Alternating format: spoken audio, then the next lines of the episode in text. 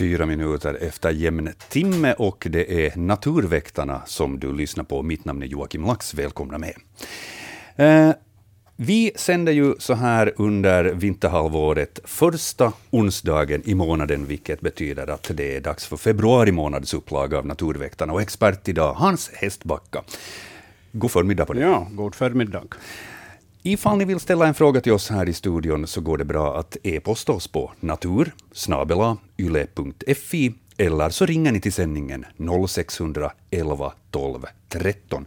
Vi kommer att ta emot era frågor per telefon här småningom, om en 10-15 minuter ungefär.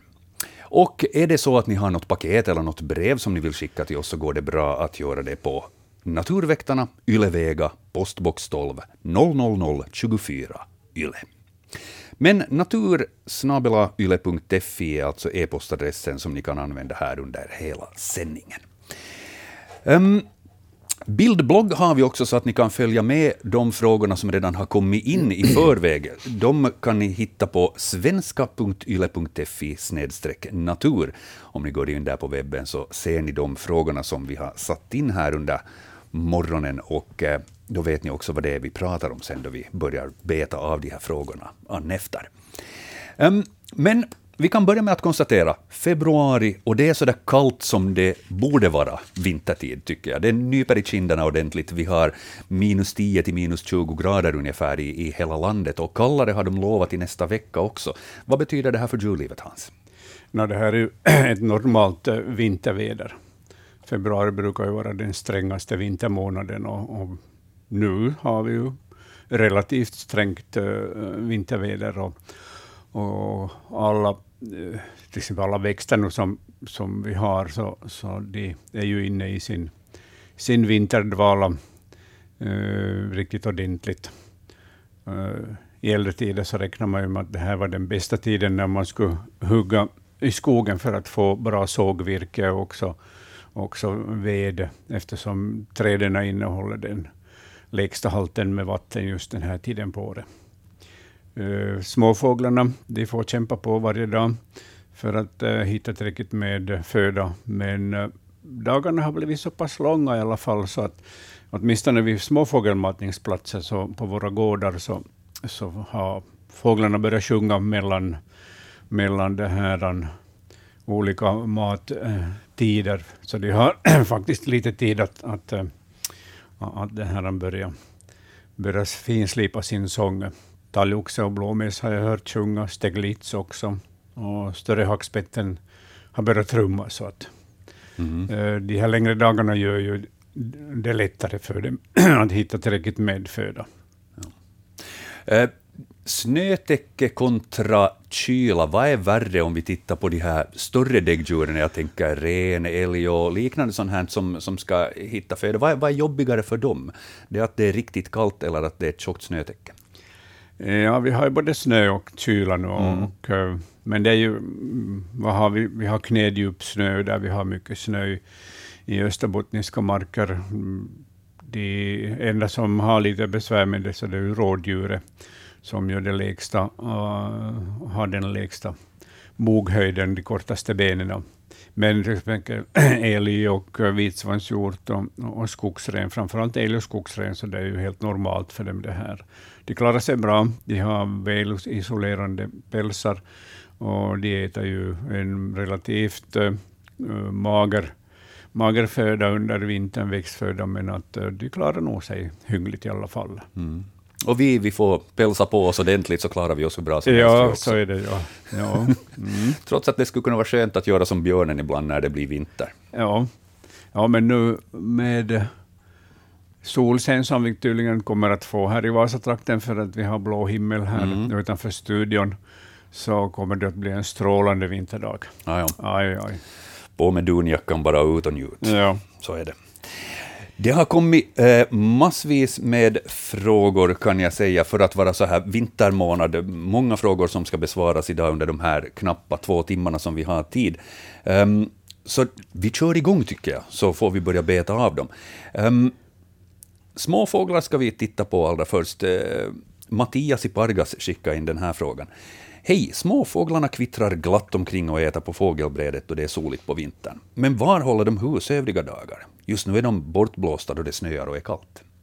Eh, de kan vara på ett eh, annat ställe i byn, eh, där det är lite bättre utbud på födan och sen mera skyddat med tanke på vind, men också med tanke på jagande sparvhök och sparvuggla. Så att, eh, gårdar som har mycket buskage, där småfåglarna kan gömma sig när sparvhöken anfaller, så, så det är ju mera populära än gårdar där det finns uh, få gömställen. Och sen stryker de omkring faktiskt de här vint övervintrande småfåglarna, till exempel i en by eller i en kommun, normalt i en by nu på vintern när de har lärt känna var de här olika matningsplatserna finns. Så att de, de det här rör på sig också. Mm. Så de har ett varierande dagssystem, de här småfåglarna. Det att man tycker att de är ett, tu, tre försvinner från ens eget fågelbräd, så det, det, är inte liksom någon större katastrof. De har rört på sig och, och farit någon annanstans och ja. kanske just då hittar andra godbitar. Ja, och så dyker de upp sen om en vecka eller två. Mm. Mm. Ja. Det var svar åt Mattias på hans fråga. Och eh, då får vi vända oss till en eh, lite större fågel. Eh, vi fick in ett videoklipp av Amanda från Korpo här för ett par dagar sedan. Och eh, från det här videoklippet så har jag plockat ut tre stycken stillbilder och satt in dem på bildbloggen också, så att ni kan se dem där, som ni hittar alltså då på svenska.yle.fi natur. Eh, och eh, de här tre bilderna som jag tog lite sådär på måfå, så mm, visar en ganska långbent varelse. Eh, Amanda skriver här, den här fina fågeln åt fiskar vid stranden utanför mitt hus i Korpo. Troligtvis en egretthäger, eller vad säger ni? Ja, det är en egretthäger som går i, i grunt eh, strandvatten och plockar små fiskyngel eh, eh, från, från sommaren och små kräftdjur också, som samlas eh, upp mot stränderna. Här är det öppet vatten ännu, så att den här grätthägen har tillgång till föda och dricksvatten, och det är ju det avgörande. Mm. Men nog kan det bli lite tufft för den om inte den får tillräckligt med föda, så då räcker inte energin till för att värma kroppen ordentligt. Men man får ju hoppas att den, att den hittar tillräckligt med föda, eller att den orkar flytta söderut till Mellaneuropa, där den då hittar isfria vatten där den kan övervintra. Mm. För fryser det till så då är den illa ute? Visst, ja. ja. Fryser det till så blir den utstängd från sin föda helt och hållet. För den fångar ju all sin föda i vatten, den här egretthägen, precis som gråhägen också. Mm. Egretthägen är ju, vad ska vi säga, relativt ny, kan man väl ändå säga, för, för, för Finland? Ja, vi har haft den häckande det är nog två somrar och rad, så den är en ny, ny häckfågel, den här, den här regretthägern. Och, och, och, eh, sen har vi ett större antal som besöker Finland under våren och sommaren. Och de här kommer då besökande unga fåglarna kommer att leda till flera etablerade par då, som kommer att börja häcka i södra Finland framför allt. Ja. En intressant nykomling. Mm. Uh, passar bra in i det vintriga landskapet här. Lika vit som snö. Ja, den är riktigt väl kamouflerad. ja. Ja. Och, och, den hittar också småfisk, det såg man på, på videoklippet. Man såg inte hur stora de här bytesdjuren var. Det var inte så att det liksom glänste till i, i, i näbben, men den gick att picka. Ja, den plockade i sig uh, antingen fiskyngel eller kräftdjur, kanske både och. Mm. Äter de växtdelar eller någonting sånt överhuvudtaget? Nej, det ska nog vara proteinrik föda, speciellt nu under vintern. Ja. Men eh, vi får säga åt Amanda att visst var det en egretthäger som hon hade filmat mm. vid stranden. Som gick där och spatserade bredvid båten. Sen, sen en, en, en liten rackare som inte man kanske ser så hemskt eh, ofta vintertid. Tycker jag. Jag har inte stött på, men det, det, det händer tydligen. Eh, nämligen den 6 januari 2021 eh, så hittade jag denna påfågelsfjäril vid husgrunden, skriver Nan. Eh, tydligen läcker det ut varmluft, eh, varmluft just där. Skulle faktiskt täta på den platsen. Men det mest konstiga var ljudet den gav ifrån sig. Det lät som en hes kärring med corona. Aldrig noterat att fjärilar ger ljud ifrån sig. Kanske typiskt för januarifjärilar. Tacksam för svar, skriver Nanne. En fjäril som ger ljud ifrån sig. Ja, det är förekommande. Det finns eh, flera arter som kan ge ljud ifrån sig. Och påfågelöga är en. Och, den här har förstås blivit störd i sin vinterdvala. Det har varit varmt eh, och den har vaknat. Den har kanske varit inne i källaren där det är varmt på plussidan. Sen har den försökt byta plats då blivit störd av någonting. Den kan ha blivit störd av näbbmus eller talgoxe, de två värsta fiender som den har mm. under vintern.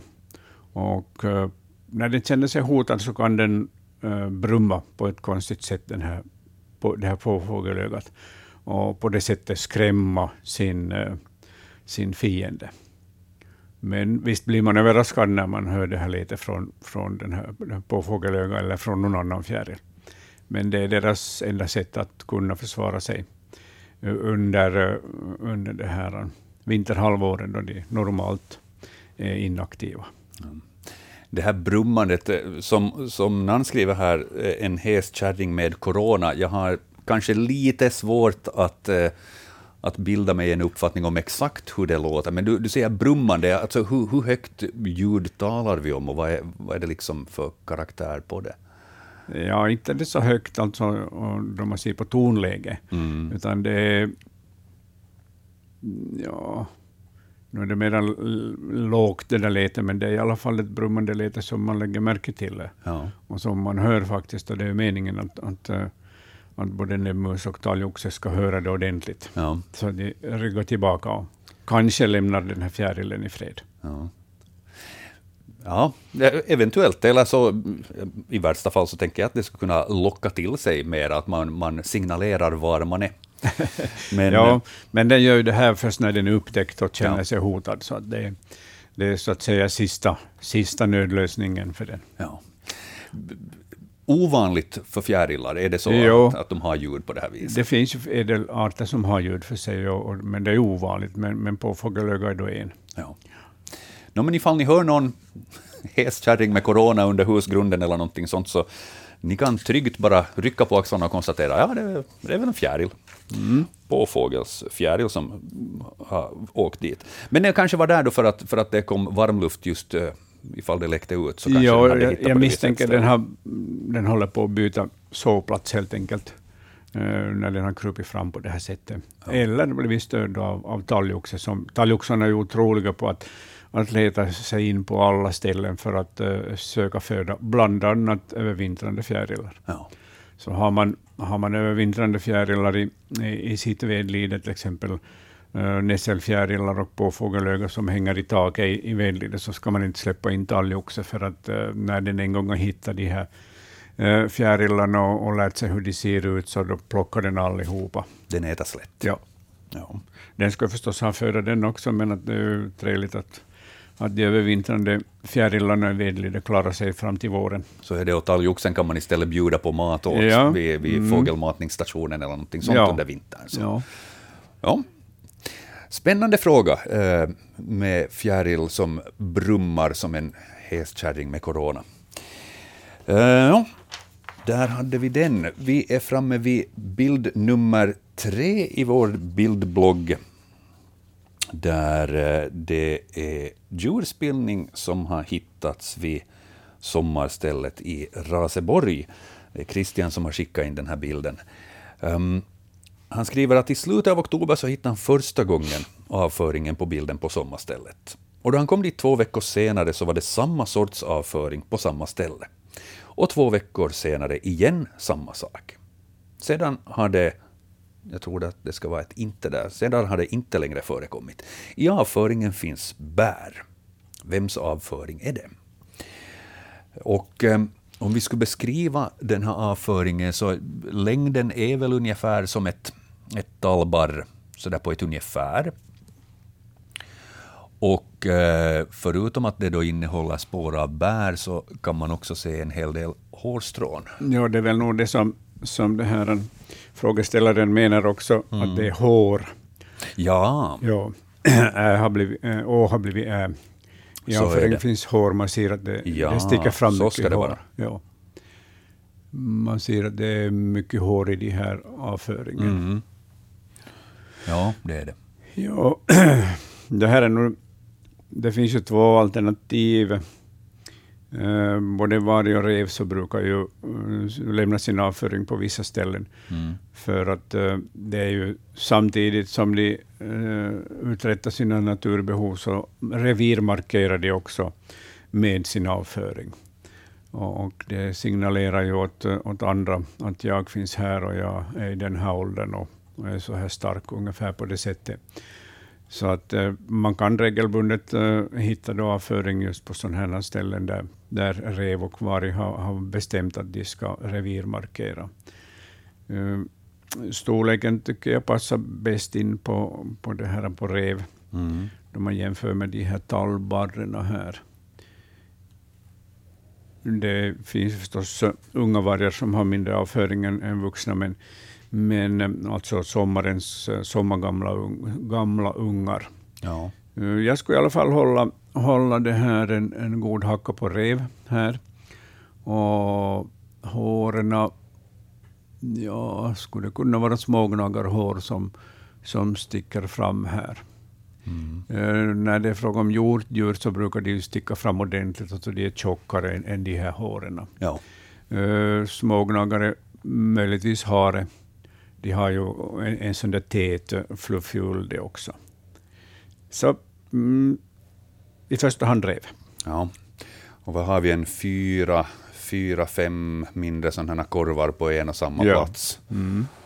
Ja, vi, vi noterar rev där och jag kommer att skriva in de här svaren vi kommer fram till, så skriver jag in i vår bildblogg sen efter sändningen, så att ifall det är någonting som man blir osäker på eller upplever att man har bommat, så då kan man gå tillbaka och, och titta i bildbloggen sen efteråt. 0611 12 13, det är telefonnumret man kan ringa ifall man vill komma i kontakt med oss här i Naturväktarna, så här live i direktsändning och få ställa sin fråga till Hans och få svar på den. Eh, så ifall ni har någon fråga så är det bara att ta fram telefonen och ringa 0611 12 13. Eller så skickar ni då e-post till oss här under sändningen på natursnabelayle.fi. Vi har några vad ska vi säga, specialdelar, kan man väl säga, i, i dagens ja. sändning, där vi har satt in frågorna i, i kategorier. Och um, det var några frågor så som dominerar. Dels så har vi en, en uh, liten portion fisk som kommer att serveras senare under förmiddagen, så här passligt till lunch. Men före det så har vi också en uh, stor förrätt med uh, spårfrågor. Ja. För det har kommit in en hel del sådana och jag tänkte vi kan, vi kan börja beta av några av dem nu. Det är naturligtvis så att det, då det finns snö ute på marken så är det ju perfekt spårväder och eh, då hittar man allt möjligt då man beger sig ut i naturen, eller bara när man tittar ut genom terrassfönstret.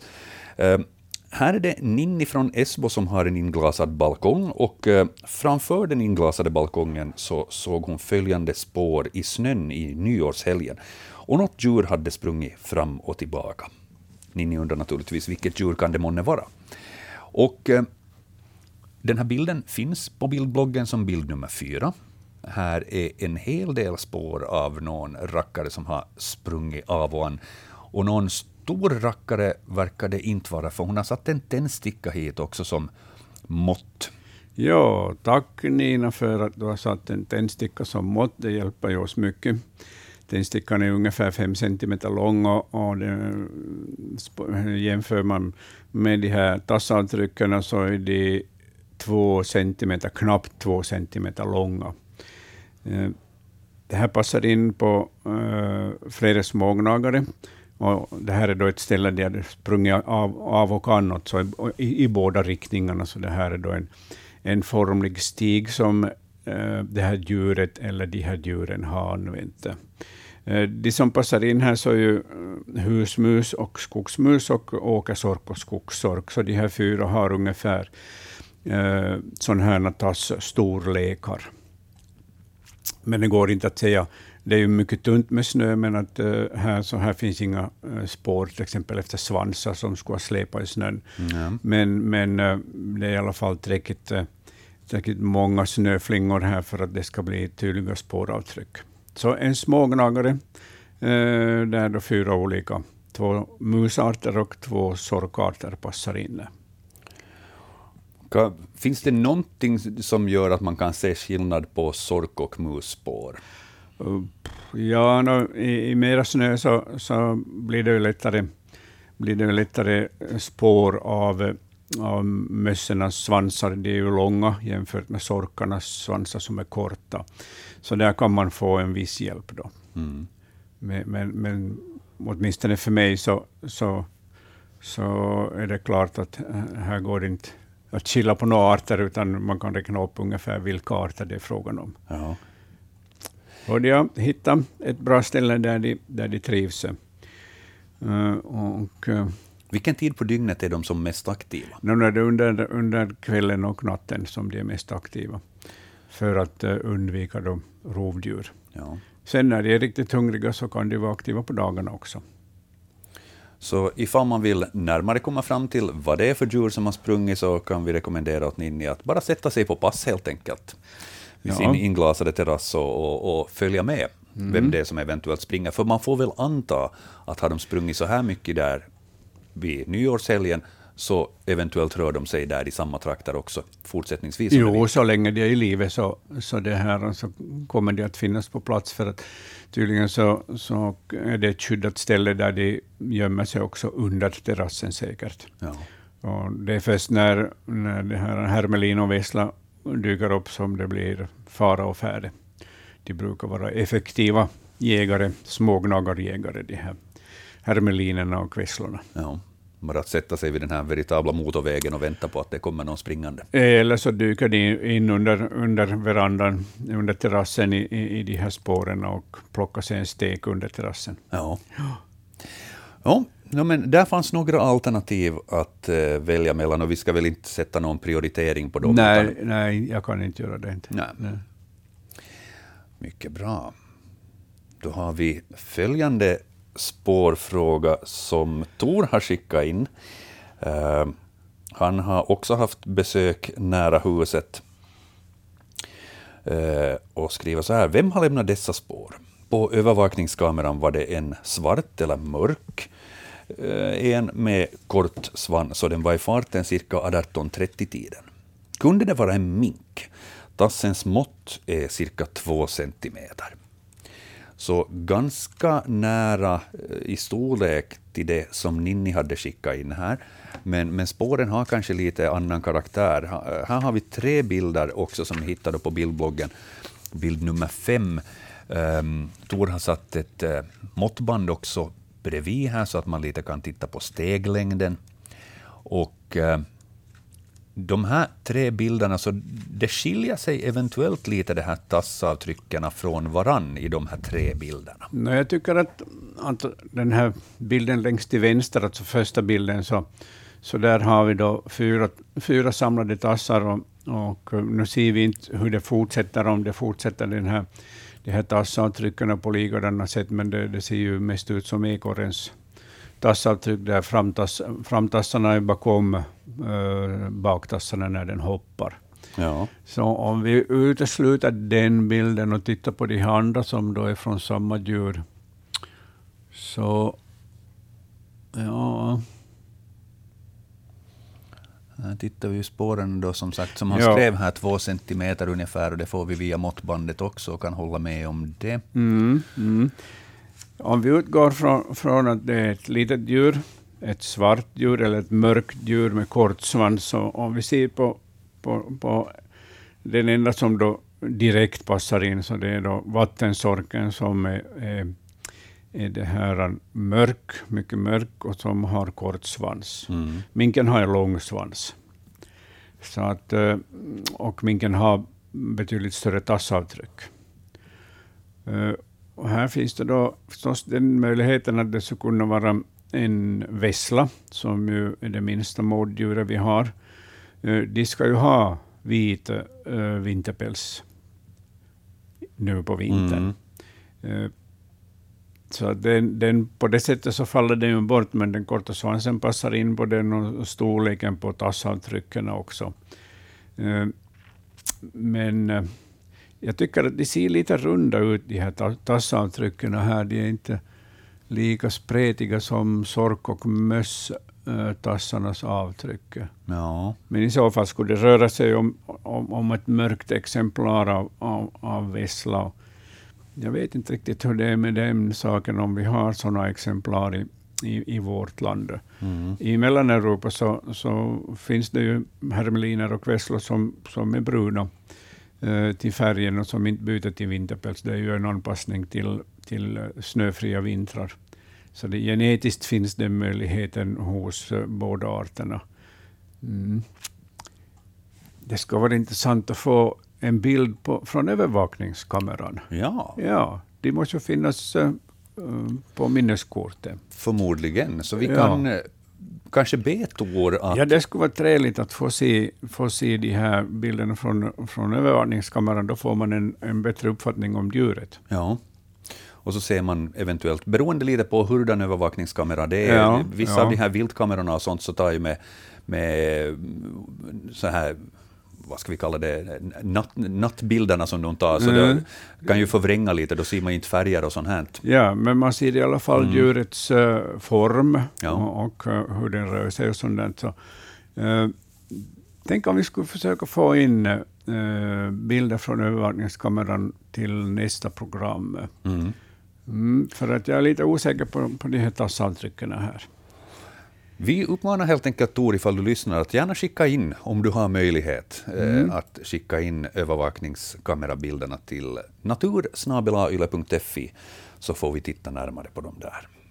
Ja, för att uh, håller vi oss till, till Tors beskrivning så, så då passar vattensorken bäst in. Och, och uh, då kan det hända att övervakningskameran berättar någonting annat och då kan det vara vissla, mm. fråga om vissla. Men att vi väntar på bilder från övervakningskameran. Ja. Mm. Och fram till det så sätter vi ett frågetecken på vattensork, som det eventuellt mm. kan vara. Ja, mera spår har vi att, att uh, titta på och uh, det måste jag säga tacknämligt då, då fotograferna har satt med något objekt också så att man ska få uh, kunna bestämma storlek och, och spårlängd och sånt här. Det ja. har vi här också en, en väldigt färg, färggrann linjal. Ja, det är trevligt att lyssnarna har, har, har uh, följt vår, vår uppmaning som vi har upp, upprepat många gånger, att sätt någon jämförelseföremål, helst en linjal, ja. eller inte en sticksask eller sånt där. Och så det underlättar ju vårt arbete. Verkligen. Här är det uh, bilder som är tagna i ett egnahemshusområde utanför Ekenäs. Eh, och nedanför huset så finns en åker. Mm, det här djurspåret har gått på terrassen och det finns gott om katter i grannskapet. Hjort och rev och mårdhundar har hon också sett. Och I slutet av förra veckan, då de ännu hade lite snö, så hade något djur gått på terrassen. Eh, hon tycker att det är större än en katt, men hör gärna vad vi tror att det är. Och eh, så har vi fått då några bilder. Jag har satt in tre stycken av dem här. Och eh, den här linjalen har vi bredvid, så att vi kan också lite så där få oss en uppfattning om hur stort spåret är. Och det är ju inte ett så litet spår egentligen. Nej, det är nog en fem, cent, fem centimeter, kanske sex centimeter. Ja, det rörde det sig nog om. Och ja. In, inget kattdjur, för man ser att uh, det finns kloavtryck i de här spårstämplarna. Mm. Och här finns det då mårdhund och rev som alternativ. Uh, med tanke på storleken uh, på tassavtrycken så, så skulle jag hålla på reven. De är visserligen inte helt rena, de här, de, den har trampat, trampat så att säga lite orent i i vissa fall. Ja. Båda tassarna har, har hamnat ungefär i samma tassavtryck, men där de är helt rena de här så, så mm, där finns nog faktiskt en del tassavtryck som är helt, nästan helt runda, som ju passar bättre in på, på, på det här på en mårdhund, men jag skulle nog hålla på en rev i alla fall som har varit upp på, på verandan och, och gjort, tagit en sväng där. De brukar ju vara orädda av sig, de här revarna som lever nära bebyggelse. Ja. Och, och eh, här har den varit då och gjort ett litet hastigt nattligt besök och sen återvänt ut i terrängen.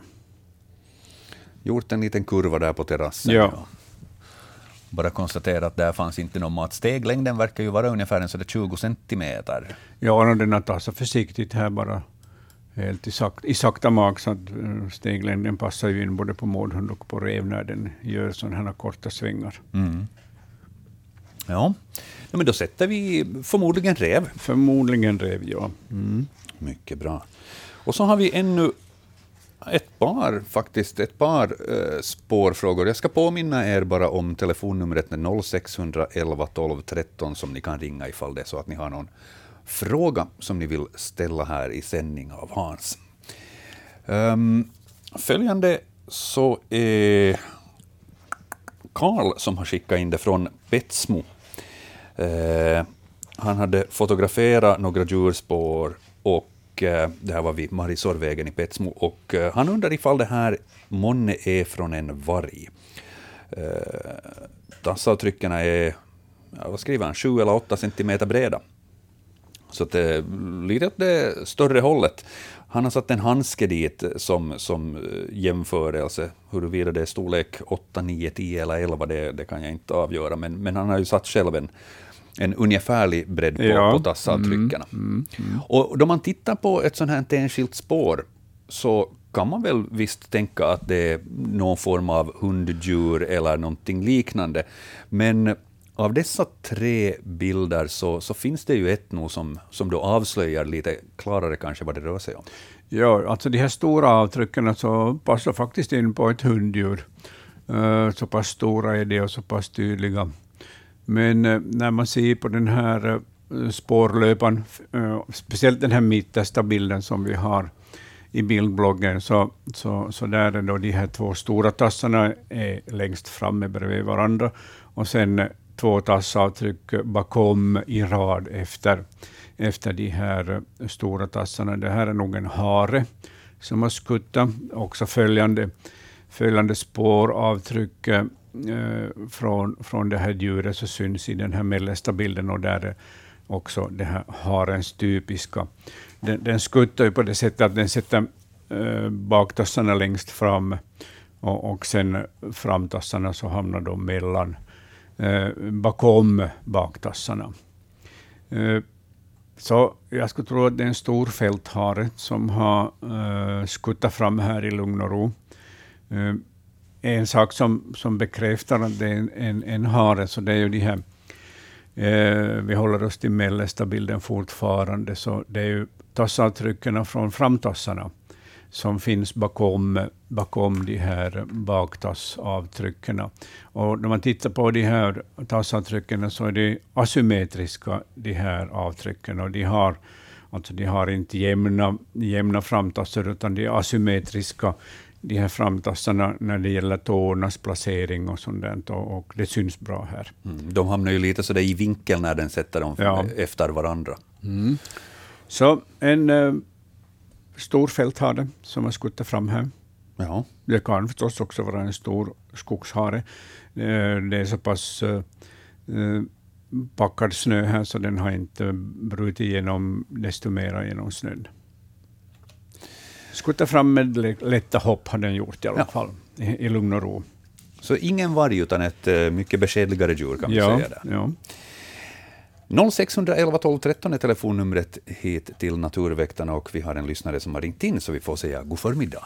Ja, God förmiddag, det var Gunvor, god dagens. Hej Gunvor. Jag vill ge ett tillägg till den här fjärilen som var motordriven. Ja. Jag har varit med om detsamma också på kärren en gång. Jag satt på verandan så om hörnet kommer en motordriven fjäril. Och då ringde jag till Naturväktarna och det var syren, en sirensvärmare. Ser du? Mm. Ja, Ja, som en liten helikopter. precis. Ja. Ja, bara det. Ja, tack, tack. Ha en bra dag. Tack så mycket, detsamma. Ja, hej, Tack, hej. hej. Ja, motordriven låter ju lite annorlunda än en, vad var det, häskärring med corona som det beskrevs här tidigare. Men, Ja. men där är ett exempel igen på, på fjäril som har ljud. Mm, ja. Syrensvärmare motordriven sådan. Vi får tacka Gunvor för den. Ja, lite spännande ljud. Mm, visst, visst, ja. Och man blir nog överraskad när, när fjärilar äh, låter om sig. Ja, man förväntar ju sig att de ska komma på, Mycket tyst. Ja, fjärilsvingar Ja. svischande sakta, men Ja. plötsligt så brummar det till ordentligt. Ja, ja. Följande samtal som vi har fått in, eh, vi säger god förmiddag, välkommen till Naturväktarna. God förmiddag, det är Birgitta Kalander från det jag, ska, jag har in, ingen fråga, men jag ska berätta om mina fåglar bara. Ja, Jag har två par domherrar och två nötskrikor och talgoxar och blåmesar och, och en ekorre som kommer varje dag och äter solrosfrö. ja du bjuder på solrosfrön åt dem. Ja, och, och kaksmulor och så ja. Verkar de komma överens bra där på, på matbordet? Nå, ibland så far de nog mot varandra så det, det är ju mindre fåglar. Men annars så trivs de nog tror jag. Och nu to, dessutom så det kallt är ju bra, de får mat. ja, visst är det det. Mm. Ja, och speciellt de här... Ja, Tittar jag ut på ett vintrigt landskap med solen mellan mina långa granar som skymmer solen. Men är, är kallt, det blåser på träden så är det nog kallt idag, då är 16 grader och lite vind dessutom. ja, den här vinden gör ju att kölden är betydligt eh, tuffa, Ja. tuffare än, än 16 grader. Jag får nog läggtid 5 grader åtminstone. Ja. Ja, Ja, när jag tänkte ibland har de sagt, sagt till naturväktare, ja, de ser inte just när domherrar mig, men, men jag har nu två par jag nog. Ja, vad det är trevligt. Roligt i skåp på dem. ja, visst, ja, de är nog, Utanför köksfönstret. de är nog kära vinterfåglar. Ja, och nötskrikorna är ju inte så vanliga heller. Nej, och de är otroligt praktfulla i sin fjäderdräkt. Ja, Ja. ja nej, var bara hej. Ha det så bra. detsamma. Tack Birgitta Ja, för ditt hej. samtal. Tack, hej. Ja, det är ju, färgerna kommer ju till sin rätt på något vis med det här vita i bakgrunden, Visst, så det ja. är Mm. väldigt vackert. Ja, mera samtal har vi på gång. Vi säger god förmiddag, välkommen till Naturväktarna. Jo, hej, det här är från Eckerö på Åland. Hejsan, välkommen med. Tack. De höll på att räkna upp så mycket fåglar de hade under sitt. Eller på. Jag har en rödhake. Ja. Mm. Övervintrar de? Eh, De har börjat övervintra i, i mindre antal i, i Finland. Ja, det är en ensam, hon kommer varje dag tror jag tillsammans med talgoxarna. ja, ja. Och de klarar övervintringen, de här rödhakarna, bara de får eh, tillräckligt med föda. Ja, no, det är ju solrosfrö som... Men han äter någonting, inte äter han solrosfrö. Det är väl en massa annat skräp som följer med kanske. Visst, visst, ja, och den kan ju inte äta de här solrosfröna som sådana, utan smulor av dem. Så att, Jo, den sitter och plockar under. ja. så ifall du, vill, ifall du vill sköta om den speciellt så kan du ju, kan du ju skaffa lite, lite skalade solrosfrön och, och, och eh, söndra dem i mortel så kan den plocka i sig de här. Jag håller på att fundera på det faktiskt. Ja. Men sen ska jag fråga vart domherrarna tog vägen som vi har haft. vi har haft vi har ibland tio stycken domherrar hela sommaren och hösten och, och, och ända till jul tror jag det var. Ja. Och nu ser vi inte en domherre mera. ja, det är mycket möjligt att de har flyttat söderut till Mellaneuropa.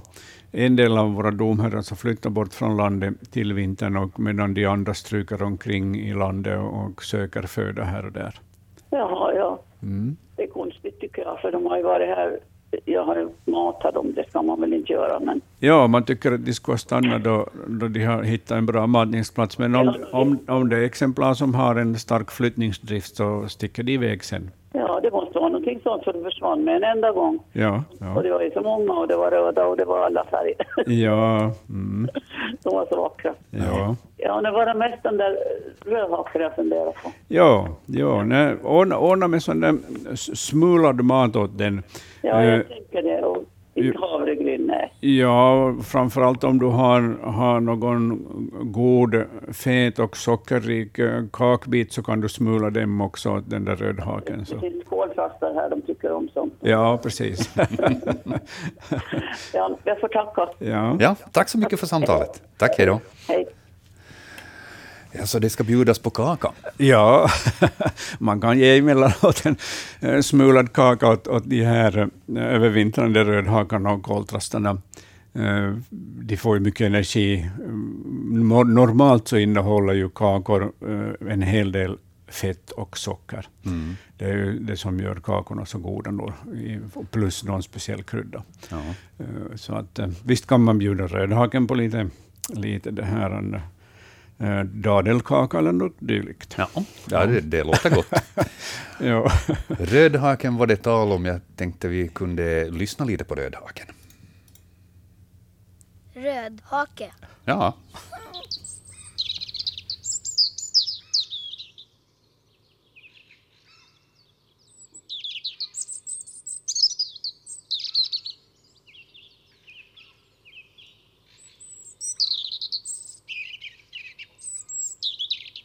Vilka härliga gnistrande toner eh, den har, den här rödhaken.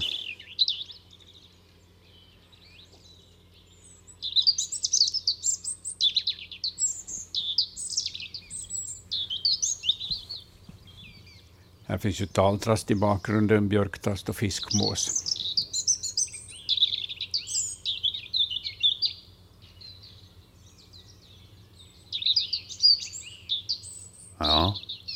Det, Ja, det är fint. Ja, visst gör det. Och just den här spröda, högtonade sången så passar så fint in med rödhakens personlighet också. Den är ju en liten, eh, ganska klen fågel, men, men klarar trots det övervintringen i, i, i vårt land. Så bara den får då föda så att den kan hålla upp värmen. ja. Man väntar ju inte sig att, att man ska ha övervintrande rödhake hemma på gården, men att eh, de här milda vintrarna så har gjort att, att de har börjat övervintra mer. Och, och vi hade ju milt eh, nästan ända till årsskiftet. Mm. Verkligen rekordvarm och lång höst. ja, det tog länge innan vintern kom igång Ja. ordentligt. Ja. Vi ska ta mera samtal i Naturväktarna om en liten stund. Vi ska plocka upp eh, tråden där, där vi lämnade den. Vi talade om spår och vi hade fått in en hel del spårfrågor. Vi har ett par till där som inte vi har behandlat ännu. Eh, eller ja, vi har, vi har en som inte vi har ännu behandlat, som vi ska ta och titta på nu. Det är Karl Valdemar som har skickat in den här. Och eh, undrar helt enkelt, är det här rådjur? Bilden hittar ni på bildbloggen som bild nummer åtta. Bildbloggen som då finns på svenska.yle.fi natur. Och eh, här är det tre bilder som Karl Valdemar har skickat in. Och eh, på den ena bilden så ser man ju en lite längre så här spårlänga och det är bra. Sånt brukar underlätta ifall det är så att man ska försöka lista ut hur det här djuret har rört sig och sånt. Så tack för det. Det var riktigt bra att inte man bara har detaljen på själva spåret utan också en, en lite längre sträcka så att man har någonting att jämföra med där. Och eh, mittersta bilden, där har han satt sin egen fot förmodligen som eh, storleksjämförelse. Ska vi tippa att han har en 43 kanske eller någonting sånt? Ja, 42. Ja. och, eh, och, och sen en, en lite närmare bild på, på själva avtrycket. Och, och det är taget i ganska djup snö. Eh, och det, på sätt och vis kanske det är bra, för att då, då får man kanske en uppfattning om hur, hur långa ben djuret har och, och liknande, och så får man titta noga dit i botten på, på spåret för att försöka lista ut vad det är. Och han ställer alltså frågan, är det här rådjur? Eh, det är inte rådjur, det kan man säga, för att eh, eh, rådjur, precis som andra hjortdjur, så lämnar ju tydliga klövavtryck efter sig. Och här finns inga tydliga klövavtryck. Men när man tittar närmare på, på, på de här, i botten på de här lite märkligt avlånga spårstämplarna, så ser man faktiskt ett uh, runt stort tassavtryck från en lo. Just det. Så här har nog ett lodjur gått fram i, lite lös snö. Eh, den har eh, de här spåravtrycken som helhet så ser ju faktiskt ut som efter från en människosko. De påminner väldigt Ja. mycket om som om Karl Ja. Valdemar själv skulle ha gått med stöveln där. ja. Och, och eh, spåret går eh, så att säga uppåt ut ur bilden, framåt. Och, och eh, den har varit lite lat, den här lodjuren, med, med, sina, med sitt gående. De här tassarna har släpat ganska mycket i snön, för en tass tassen har pressat ner i snön. Och sen när den har lyft tassen så är det kortare eh, släpning av tassen. Så nu är det ett lodjur som har gått fram här och, och lämnat efter sig en sån här märklig spårlöpa. Eh, det är de här tassavtrycken nere i botten på de här avlånga spåren som, som avgör det där. Ja. Eh, bara lå, låt oss leka med tanken att en människa först skulle ha gått där och lämnat sina spår, och sen kommer ett lodjur. Skulle ett lodjur följa samma spår, liksom bara för att ja, men här, är det ju, här underlättade min... Uh, jo, det kan, Min jag, resa lite. det kan jag tänka mig. Ja. Mm. Men jag tycker att människan, en människa väger så pass mycket så att hon pressar ihop snön så pass mycket så att det borde inte synas lodjursspår på det här sättet i botten. Nej, nej, det är sant. Ja, men, men eh, i princip skulle den kunna gå i samma spår för att eh, ha det lättare att gå i snön. Ja. Men här, precis... Och om, om det gamla spåret går i den riktning som den själv vill gå. Ja. Men precis som du sa, att, att ganska, ganska typiskt att det, om det är djup snö, att det först släpar ner lite, Mm. lite snö med framdelen av tassen och, och därför blir det så här avlångt och sen när man lyfter tassen på nytt så blir det Ja. lite... Jag har ju nog sett eh, lospår, spårlöpor som, som har varit nästan helt rena fast det har varit djupare snö, alltså där, där lon verkligen har, har det här, lyft tassarna ordentligt, men att de är ju personligheter, de här lodjuren, precis som alla andra varelser. Så Ja. det finns olika, olika gångstilar och olika energimängder i dem också. Men lodjur får vi notera, inte rådjur. Det är snarast så att det är kanske lodjur som har spanat efter rådjur som har gått. Mm. Ja, rå, rådjuret så är ju, är ju ett otroligt bra byte för, för lodjuret. Eh, Ett mycket lämpligt byte. Ja. Både när det gäller storlek, den är lätt att, eh, att eh, ta och sen ger den mycket föda. Nio minuter i jämn timme i Naturväktarna Yle Vega och eh, vi har ett till samtal på tråden som väntar så vi får säga god förmiddag. Vem har vi med oss? Babso Wikberg från Tvärminne här, hej. Hejsan! Jag har, jag har fått tillökning i familjen. Oj, så roligt, vi gratulerar. Tack. En utter har Oj. fått fyra ungar. Ja. Den residerar under vår brygga. Ja, Och nu fryser isen till. Ja. Och nu funderar jag, hur i världen ska han, eller hur ska de få mat till de här fyra ungarna som spatserar omkring? De, Ja. de fiskar ju så vitt jag vet. ja, Och nu ja, fryser ju fjärden till ända till Koverhar där dit båtarna går in. ja. Så, så hur, hur, be, hur beter de sig för att få mat åt sina Ja. ungar? För jag förmodar att de behöver ganska mycket mat. ja, de behöver nog mycket mat. Hur stora är ungarna nu? Nå, en sån där 50 cent. Ja, de är ganska stora, ja. Mm. Ja. Ja, ja nej, de har inga problem med det, de måste bara vandra längre vägar. Alltså, det här är under ytterhorna, de skö- sköter ju om ungarna en- ensamma, Ja.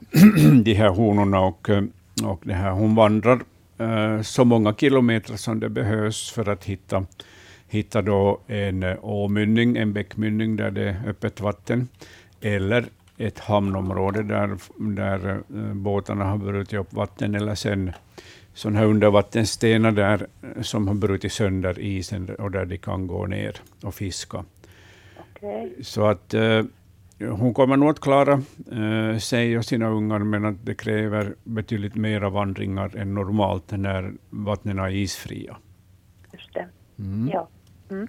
Det är ju ganska intressant. Jag, jag förmodar att de eh, ganska länge f- lever någonstans innan de föder sina ungar och också det efter. Så, så jag har under brygglocket eh, så har grannens hund varit jätteintresserad hela sommaren. Ja. Är, det, är det faktiskt så kanske att den har varit där under under vår brygga hela sommaren och där har vi simmat och badat. Jo, jo.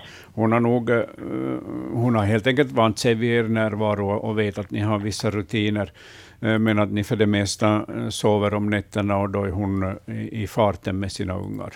Okej. Så att, Ja, det, ungarna var väldigt nyfikna på mig. De var bara sån här halv meter ifrån och tittade vad jag var för en filur. ja, vad Så de har fint. nog vant sig vid Ja, verkligen, ja. ja. Ja. ja. Okej, det var Ja. det jag ville veta. Jag var lite orolig för att de inte skulle få tillräckligt med mat. Jo, var nej, det nu, hittar de mat, men de kan gå ända ut i yttersta skärgården för att komma till öppet vatten om det vill sig illa. Okej, Ja. just så. Mm. Bra. Mycket att Tack följa för med det. där. Tack ska du ha. absolut. ja. Tack för samtalet. Tack. Tack, tack. Hej. Hej. Ja, uttrar. Ja, mm. utan är ju starkt på kommande i, i, i skärgården. Den var ju på, på 1980-talet, 90-talet, så var den otroligt sällsynt i skärgården. Den drabbades ju av miljögifter, precis som havsörn och, och sälarna minska mycket på grund av det, men också på grund av jakten har ju varit en, en, en, en mycket uh, jagad, ett mycket jagat djur därför att den ger en, ett värdefullt pälsmaterial till uttermössor och annat.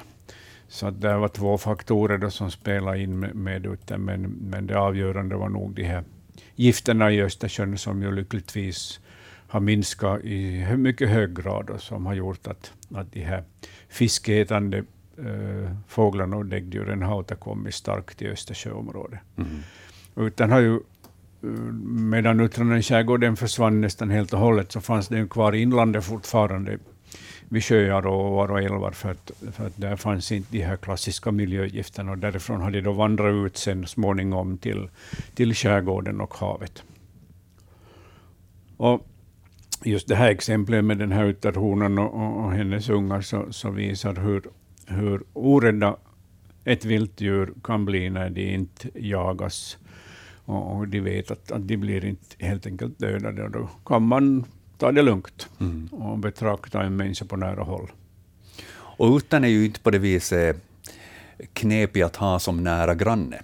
Jag menar, mink och sånt här, de kan ställa till, för det första så ställer de till för djurlivet runt omkring och sånt, fågellivet och liknande, plus att de kan då böka in sig och det kan lukta ganska illa också. Ja, Ifall man ja. får en sån som, som bosätter sig nära, nära huset eller Ja, eller, sommarstugan. eller i husväggen. Ja. Ja. det finns sommarstugor som har förstörts av, av mink som har börjat bo i, i väggarna och de lämnar så mycket avföring och lukt efter sig så att det har varit omöjligt att vistas i de här sommarstugorna. Så att de är ganska effektiva i sin framfart. Men uttern som granne, Ja, utan som granne är ju otroligt res- intressant. Eh, Det finns ju, om man vill söka en nackdel med uttern, så, så, det här, alltså, så finns det uttrar som älskar ägg, precis som eh, alla andra gör det också, och kan ta mycket ägg i fågelkolonier i skärgården. mm. Så den, den negativa sidan finns ifall man vill hålla på fågellivet och skydda fågellivet. ja. Men utan har ju i alla tider förstås ätit ägg. Men, men den påverkar nog sådana här koloni, få, kolonihäckande fåglar. Ja. Men inte alls i samma utsträckning som med, ifall man får en mink som... Nej, för de jagar ju inte ungar och, och vuxna fåglar, utan, eh, och, och de dödar ju inte som minken. Minken kan ju döda mycket på en gång, men, medan utan då nöjer sig med att smöra kråsen med ägg. Några minuter har vi på oss eh, innan det blir nyheter på den här kanalen, så vi ska snabbt titta till en fråga som vi har här i bildbloggen. Ehm, som ett skallben. Det är Lasse som har skickat in den här bilden. Han stötte på den här skallen delvis nedsjunken i marken i strandkanten på tomten i Hammarland, Åland. Han förmodar att det är mårddjur eller rev, men tycker ändå att skallen är större än någon av dem. Kan det vara hund eller varg? Lasse skriver här, jag såg inga andra skelettdelar runt omkring, kanske en havsörn har tappat den under en flygtur, det finns många av dem här. Och eh, tre bilder har vi, en bild rakt uppifrån och sen två bilder där man ser nedre, liksom undre delen av, av eh, skallen. ja. och kan klart se tänderna. Och så har vi måttband bredvid som, som ger också angivelse för hur stort det är. Vadå, 20 centimeter eller vad talar vi om? Ja, det här, eh, det här måttbandet säger mycket. Eh, skallen är 10 gånger 20 centimeter. Eh, åtminstone 10 centimeter bred och 20 centimeter lång. Och, det är ju ett, gott, gott mått. Det är, mårdhund och rev har inte så här stora skallar, utan, utan det här är då en hund Eh, eller en mindre varg som eh, kanske har drunknat och, och eh, spolats i land och, och skallen råkar ligga där den ligger. Tänderna är ju otroligt bra skick. Det är ett, ett ungt djur, skulle jag säga. Och, och rovtänderna, huggtänderna visar ju att det är ett rovdjur, alltså ett hunddjur. En skallexpert skulle säkert kunna säga precis vilket djur det är frågan om, men, men friska fina tänder är det. Och, så antingen en hund eller en ung varg. Mm. Jag skulle hålla ganska mycket på en, en hund. Varje år så finns det hundar som drunknar, till exempel jakthundar som, som går ner sig på dålig is eller som uh, försöker simma över, över större sund och fjärdar och kan drunkna av det. Då får vi notera det och skriva in det sen i bildbloggen här efter vår sändning. Bildbloggen som ni hittar på svenska.yle.fi natur. Du lyssnar på Yle Vega. Och programmet Naturväktarna som är med dig på den här frekvensen fram till klockan 12.00. Mitt namn är Joakim Lax och expert idag Hans Hästbacka. Och vi har nyligen i timmen som gick gått igenom en hel del spårfrågor och sen så var vi inne på ett kranium som vi hade fått inskickat här också från Lasse där vi misstänkte att det var hund som det rörde sig om. Eventuellt en ung varg, men kanske en större hacka på hund där. Eh, vill ni följa med bilderna vi pratar om i sändning, så gå in på svenska.yle.fi natur och där hittar ni bildbloggen, så kan ni klicka er fram där och titta på samma bilder som vi har här. Och är det så att ni vill skicka e-post till oss, så gör det på yle.fi, så plockar vi in frågor så gott som vi hinner. Vissa av de här bilderna som eh, vi får in här nu under sändning så hinner inte jag plocka med i bildbloggen, men eventuellt så har vi ändå tid att ta upp dem. Um, vi kanske ska ta och titta lite på, på, på, på, på, på frågor som har kommit in utan bild uh, här tidigare. Um, vi hade bland annat en eh, sån här fråga. Varför finns det inte flygekorrar i Sverige och Norge? Klimatet och biotoperna borde vara liknande. Och hur kan flygekorrarna påverkas av klimatförändringen? Har man övervägt stödåtgärder i form av stödutfodring och stödutsättning? Det här undrar signaturen NN. Om vi delar upp den där frågan kanske lite um, och tar riktigt från början. Varför finns alltså inte flygekorrar i Sverige och Norge? Hans? ja, i, i och för sig så skulle det finnas otroligt bra eh, flygekorrbiotoper i, i både Sverige och Norge. Alltså skogar som passar, passar bra för, för flygekorre med ett rikt eh, lövinslag, framförallt aspe. Men flygekorren kan inte vandra över öppna ytor som vanlig ekorre kan göra. Eh, den blir tagen av alla, alla möjliga fiender, den här flygekorren, om den till exempel skulle försöka vandra över äh, Tornel när den har frusit till. Så att äh, det är nog äh, vandringshindren, de öppna vandringshindren som gör att flygekorren inte, inte har tagit sig till, till det här Sverige och Norge. I princip skulle den kunna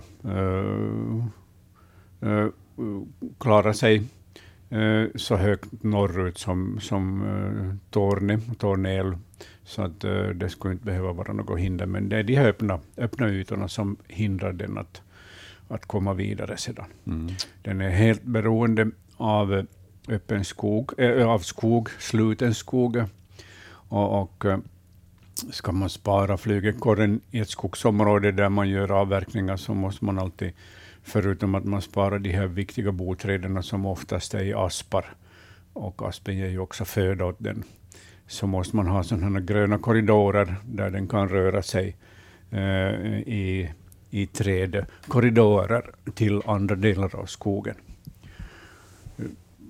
Man har inte börjat med några andra stödåtgärder än att eh, det går att sätta upp Eh, utmärkta flygekorrholkar för flygekorrarna där de bor och det är honorna speciellt som behöver dem när de har ungar.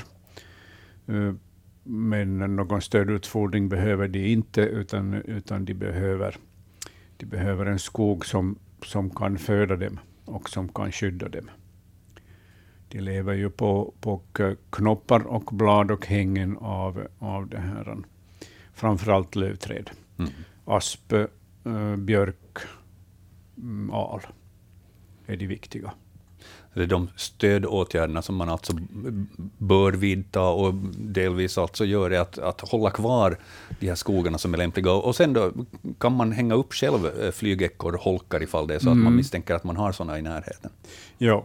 Ja, det är nog den här naturliga biotopen, bevarandet mm. av, av, av flygekorrskogarna, som eh, bevarar flygekorren. Ja. Det går inte att, eh, att avverka deras skogar och försöka, försöka spara, eh, rädda flygekorna med några andra åtgärder sedan, med några hjälpinsatser som konstgjorda bon och, och, ut, och utfodring, utan det är flygekorrskogen ska finnas för att flygekorren ska kunna leva. Ja. Senast jag såg flygekorre så var det i en holkmodell större kan jag säga. Ja. Det var ett, ett övergivet utedass. Ja. Mm, ja. så det var en stor holk där de hade lagt ungar. Och vi, vi, vi hittade nå, någonting som såg lite märkligt ut och vi insåg att nej, det här är ju ett bo av något slag. Och så mm. när vi tittade närmare så såg vi att det är flygekorrungar som ligger här. Ja, ja flygekorren kan faktiskt bygga bo i uthus, vedlider och utedass. Och också på, på vindar, sommarstugevindar om de kommer in där. Och, och det är ju ett otroligt det är ju bra uh, skyddade ställen mot till exempel mård uh, och, och sparvhök och duvhök, ugglor som, som gärna jagar flygekorre. Så att hus kan vara en, en bra bra boningsmiljö för flygekorren, mm. bara det finns de här skyddande granarna och lövträden sen som föder dem. Ja.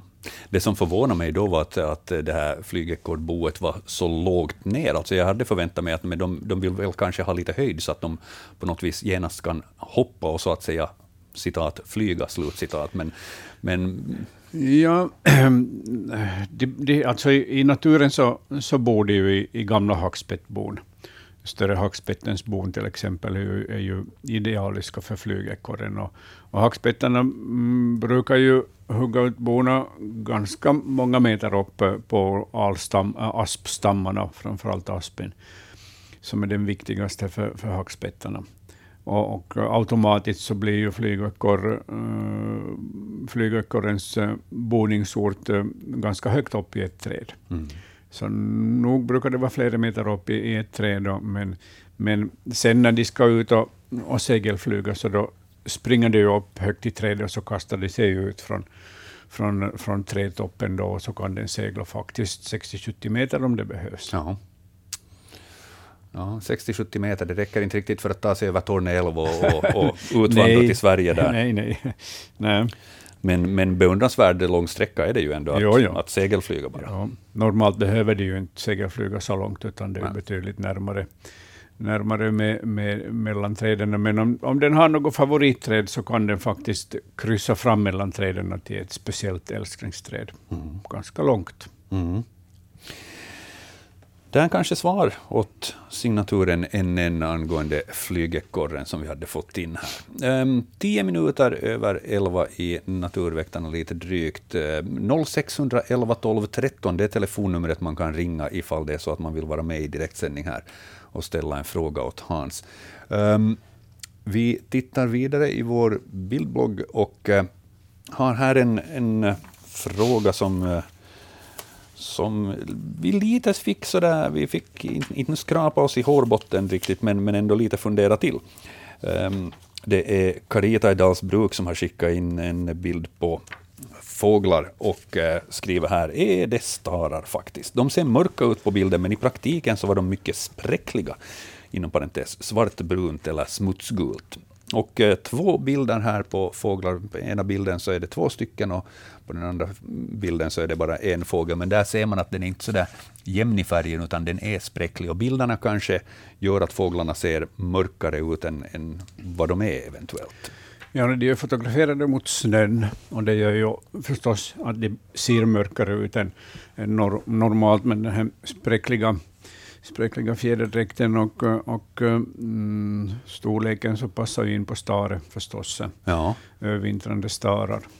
Eh, Perspektivet eh, så här nästan rakt eh, ovanifrån så, så, så gör ju att aha, man tittar lite noggrannare, är det faktiskt starar det här då? Men, men nog tycker jag det ser ut som det nog kortkärtade eh, är de, precis som staren är. Eh, skulle det vara till exempel koltrast så skulle den ju ha lång kärt, eh, medan de här då är kortkärtade och, och just eh, deras ungfåglar och vinterdräkten är ju spräcklig hos staren. Ja. Och sen ljusa näbbar. Eh, Staren kan övervintra hos oss, bara den får föda, eh, så att den klarar de här långa och kalla vinternätterna och förstås långa vinterdagar också. Stare får vi notera där, att det nog rör sig om, Mm. som hon har fotograferat vid, vid sin balkong, tror jag. Ja, Lite ser det ut som. ja. Det ringer på tråden, så vi får säga god förmiddag och välkommen med till Naturväktarna. Ja, tack. Else-Maj Nylund från Pedersöri. Hejsan! Eh, Jag tänkte fråga om... Ja, där, vi har fått en ny fågel hit i höst. Det var eh, svartmesen. Ser du? Och den har ni inte sett förr här inte. Ja. Mm. Är Så- det en svartmes eller flera? Ja, vi har sett två, två samtidigt. Mm. Ja. Mm. ja.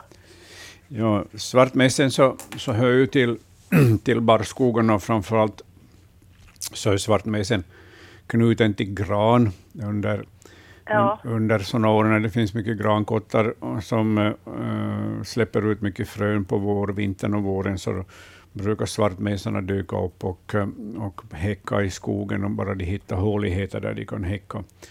Så den, den brukar ha stor nytta av, av rika, rika kottor hos, hos granen. Ja, ja, just det. Mm. Ja, nå, vi har nog mycket granskog här eh, omkring huset och, Ja. och liksom i området. Ja, ja. Men, men vi har inte liksom sett den vid, vid fågelbordet förr inte. Nej, no, svartmesen hör tyvärr till de här sk- skogsmesarterna som har minskat mycket i Finland Ja, på grund av det omfattande skogsbruket som inte passar de här, de här eh, skogsmesarna. Men här och där finns den kvar och, och, och dessutom kan de vandra långa, långa eh, sträckor och eh, flytta bort mycket från Finland också till, till vintern, de här svartmesarna. Men, ja men de kan stanna vid en matningsplats om det finns lämplig föda för dem. De har ju ganska liten och klen näbbe. Jo, jo de, den är väldigt liten. Ja, ja. jo. Så det är bra att, att, man, att man ger då krossade frön åt dem och uh, kaksmulor och sånt där. Och, Ja, just det. och, och eh, de kan hugga också upp av fett eh, om man drar eh, rispor med kniven i, i, i sådana här fettsvålar och korvar Ja. så att de kommer åt Ja. bättre. Mm. Det är mycket, mycket trevlig och, och, Ja, det är och en pigg. trevlig fågel, jo, Visst, jo. ja. Jo, så, så har vi också från i höstas hade en flock äh, rapphöns här. Ser du bara? Mm. Jo, Ja. det, det var nog 20 stycken då vi först såg dem, Ja. så länge det var barmark. Men nu har vi vid ett tag sett eh, kanske fem, sex då vi har träffat på dem. Men Ja. kan de dela på sig eller, eller Nog kan de ju dela på sig det, men, men sen eh, så har de ju mycket fiender, de här rapphönsen. Uh, duvhök och räv är de främsta mårde också en och, och förstås omkringstrykande katter som tar, tar Ja. rapphöns. Så att, eh, de har det ganska tufft nog ute i naturen, men nu kan ju en flock dela på sig, det är inte omöjligt. ja, Inte. ja. ja, just det. Om man vill, om man vill ha, ha rapphöns på gården eh, vid sin matningsplats eh, så är ju eh, havre och annan spannmål den Ja, vi har nog, vi har nog satt ut havre. Ja, precis. Ja, ja. Mm. Ska Jo, man, ska man sätta... får- jag förlåt att jag avbryter, men ska man sätta den här havre på marken? På då, marken, eller? ja. Mm. Ja, vi har på marken, Mm. här på, på gångarna där vi har plogat. Ja, precis. Ja. Jo, Mm. jo så, så, det här, så har vi också fasan, en tupp Ja. och en höna här. Ja, ja. Det är säkert dagligen hos er. Jo, det är dagligen, det Ja. kommer regelbundet. Ja. jo, jo, Mm. jo. Det är nog, är nog trevligt med de här fåglarna. ja, visst är det det. Låter som att ni har ett rikt fågelliv där. Ja, jag var med i det här fågelbångande och så räknade jag 30, vi har, jag kunde inte räkna nu så noga men, men 30 det här pilfinkar. Ser du bara? Mm. Och det är jämt här på och äter och vi har som en liten buske i närheten dit de kan få om det blir farligt. Ja, ja de, här, Ja. de här skyddande buskarna är otroligt viktiga. Jo, jo. Ja, utan sådana så vill man inte få de här små fåglarna till sin gård. Nej, nej. nej men det här var mitt bidrag, jo. jo. Tack Ja. hördu Else-Maj för, för frågan och eh, ha en riktigt trevlig fortsättning på dagen. Ja, tack, tack. Tack ska du ha. Tack, hej. Ja, det här då man, då man sprider ut eh, havre för att mata till exempel då rapphöns eller fasanerna kanske för den delen, eh, det kan väl ändå ställa till med, med problematik kan jag tänka mig. Råttor och sånt här så har ju en tendens att, att leta sig till fågelmatningsplatser där maten är på marken. Jo, ja, både råttor och sorkar så, så kan komma till sådana här matningsplatser och, och brukar plocka åt sig av det som finns på marken, men de kan också klättra upp i, i fågelbräden och till och med till fröautomater och förse sig. Här har vi nämligen en fråga som, som Carola Ja. har skickat in. Hon skriver här, kan ni ge råd om hur man blir av med ett par råttor? Och vi, vi, ogärna så går vi ju in på sånt i Naturväktarna. Vi brukar inte tala om hur man blir av med, med djur.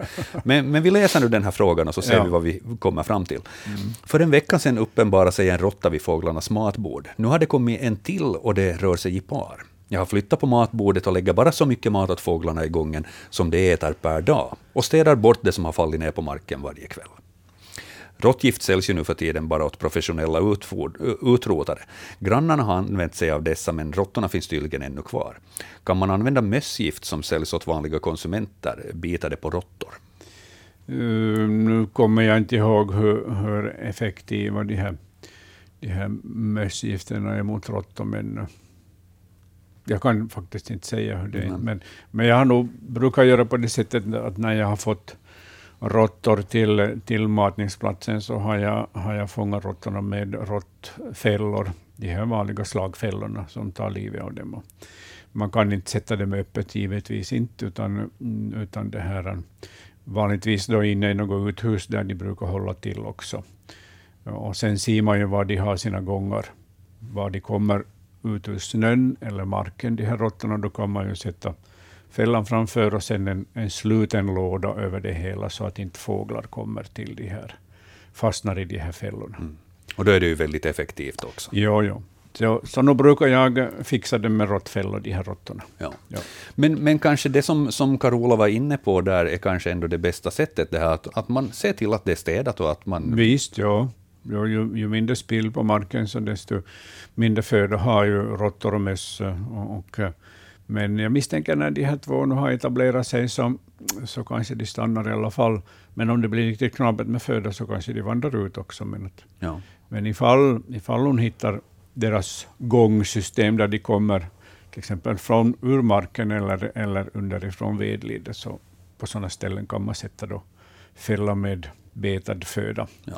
som är betat med föda. Ja. Bröd eller ost eller kött.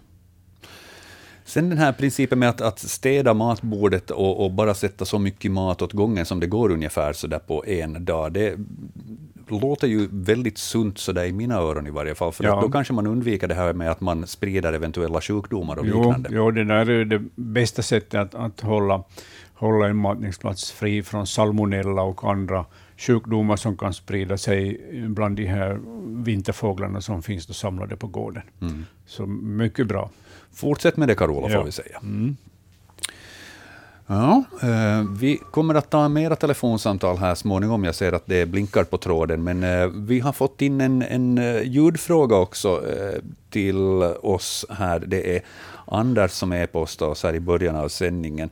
Eh, han skriver så här. Hej, träffade på följande borrmaskin för en dryg vecka sedan. Ingen har kunnat hjälpa mig vad det är för en fågel. Kunde inte se den, var högt uppe i en gran mitt i ett bostadsområde. Uh, så nu får du skärpa dina öron, för nu, Ja. nu, det här ljudet har inte jag lyssnat på hela tidigare, och, men Anders kategoriserar det som en, en, en borrmaskin. Ja, bra beskrivning. Ja.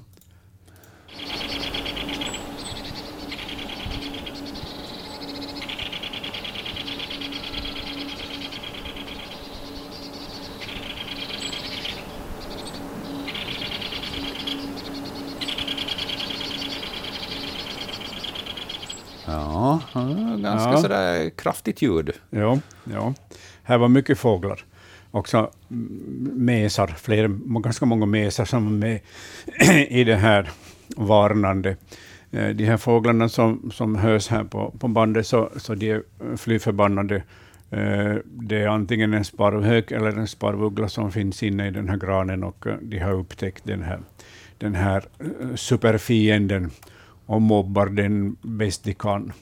Och det här uh, maskin, borrmaskinsliknande lite, så det är då större hackspetten som är synnerligen upprörd och varnar kraftigt och eh, ihärdigt. Så större hackspett. Större hackspett. Och, och den är ju den vanliga hackspetten i, i bebyggelsen nu för tiden.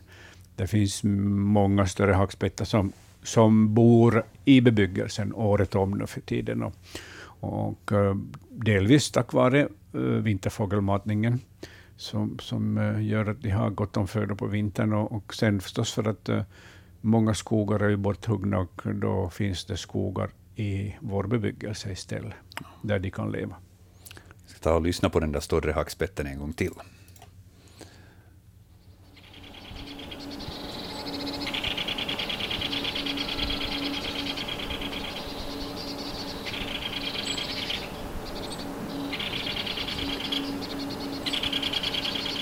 Ja, det blev liv i luckan där. Ja.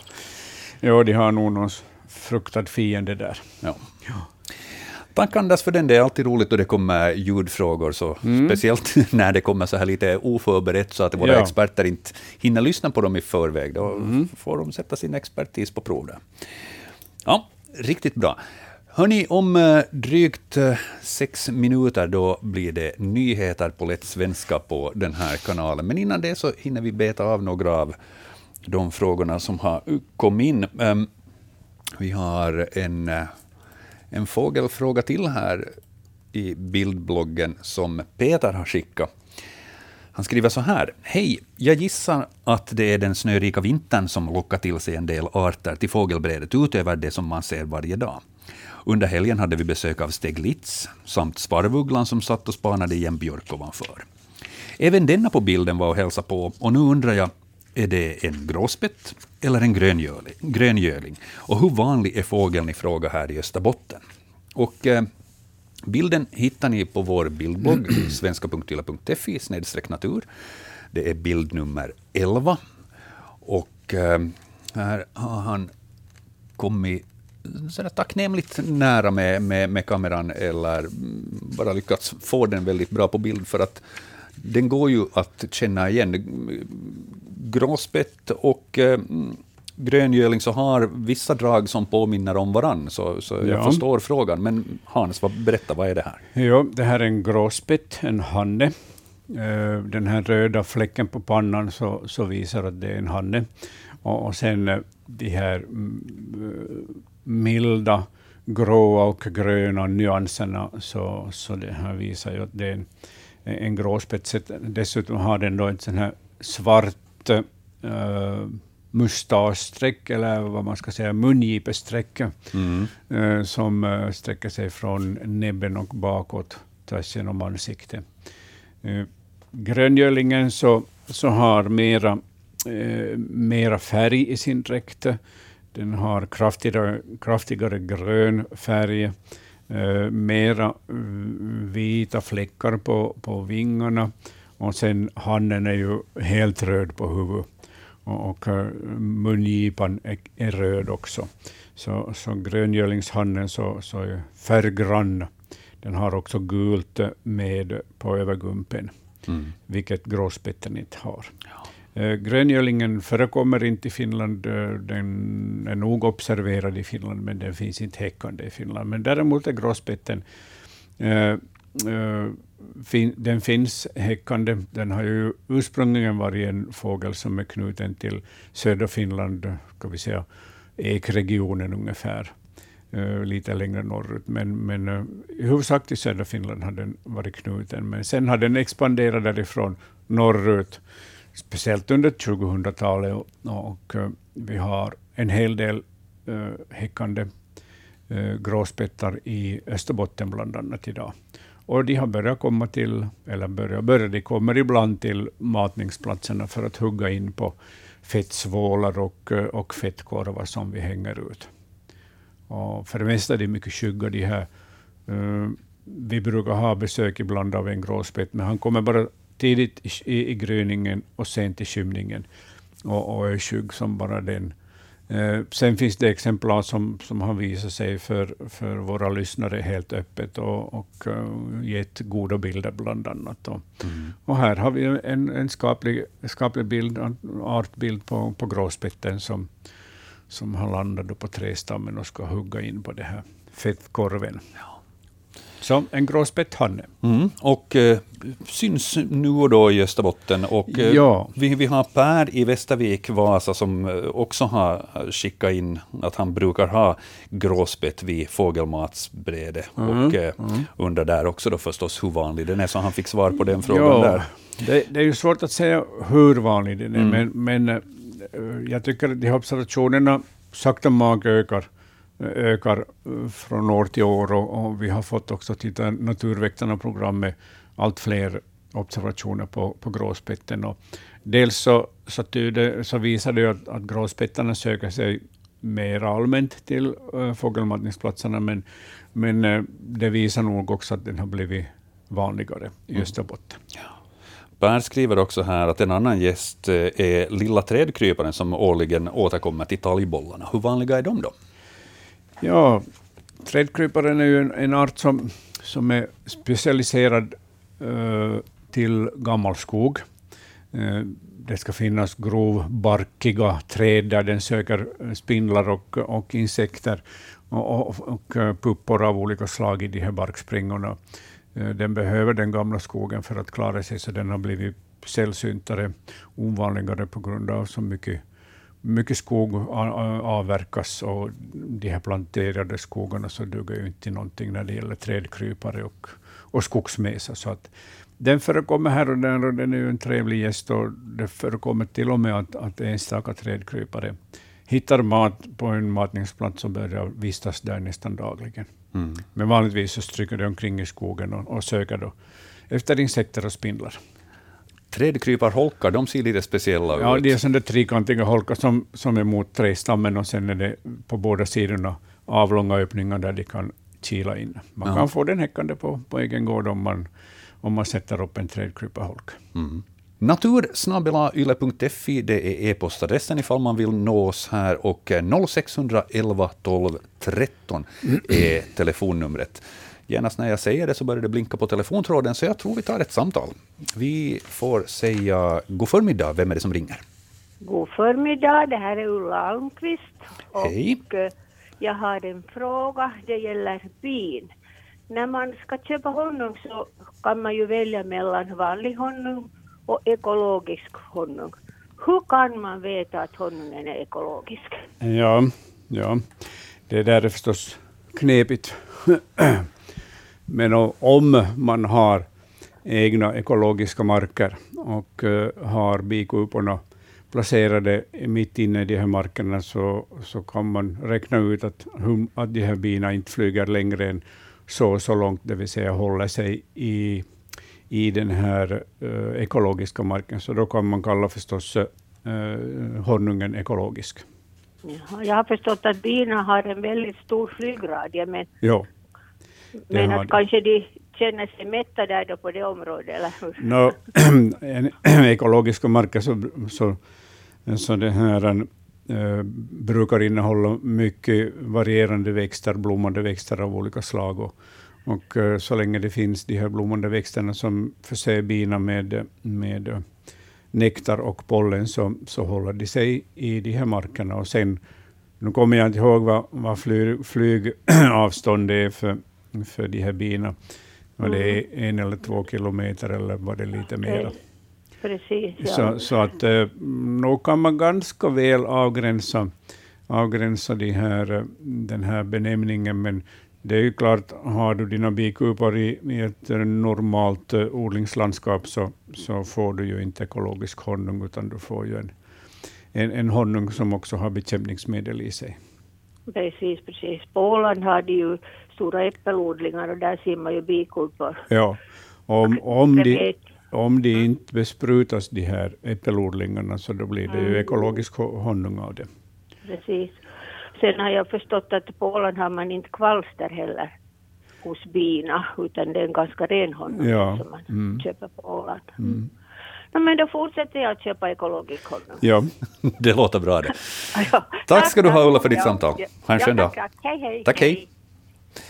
Ja, och sen så är det ju säkert ganska hårda föreskrifter också som gäller för de som säljer honung, att får de kalla sin honung ekologisk eller inte. Ja, det här, Man följer säkert upp det. mm, ja man, man måste få det här certifikatet på att man Mm. faktiskt har ekologiska marker och ekologisk honung, så då är det ju helt rätt. Ja.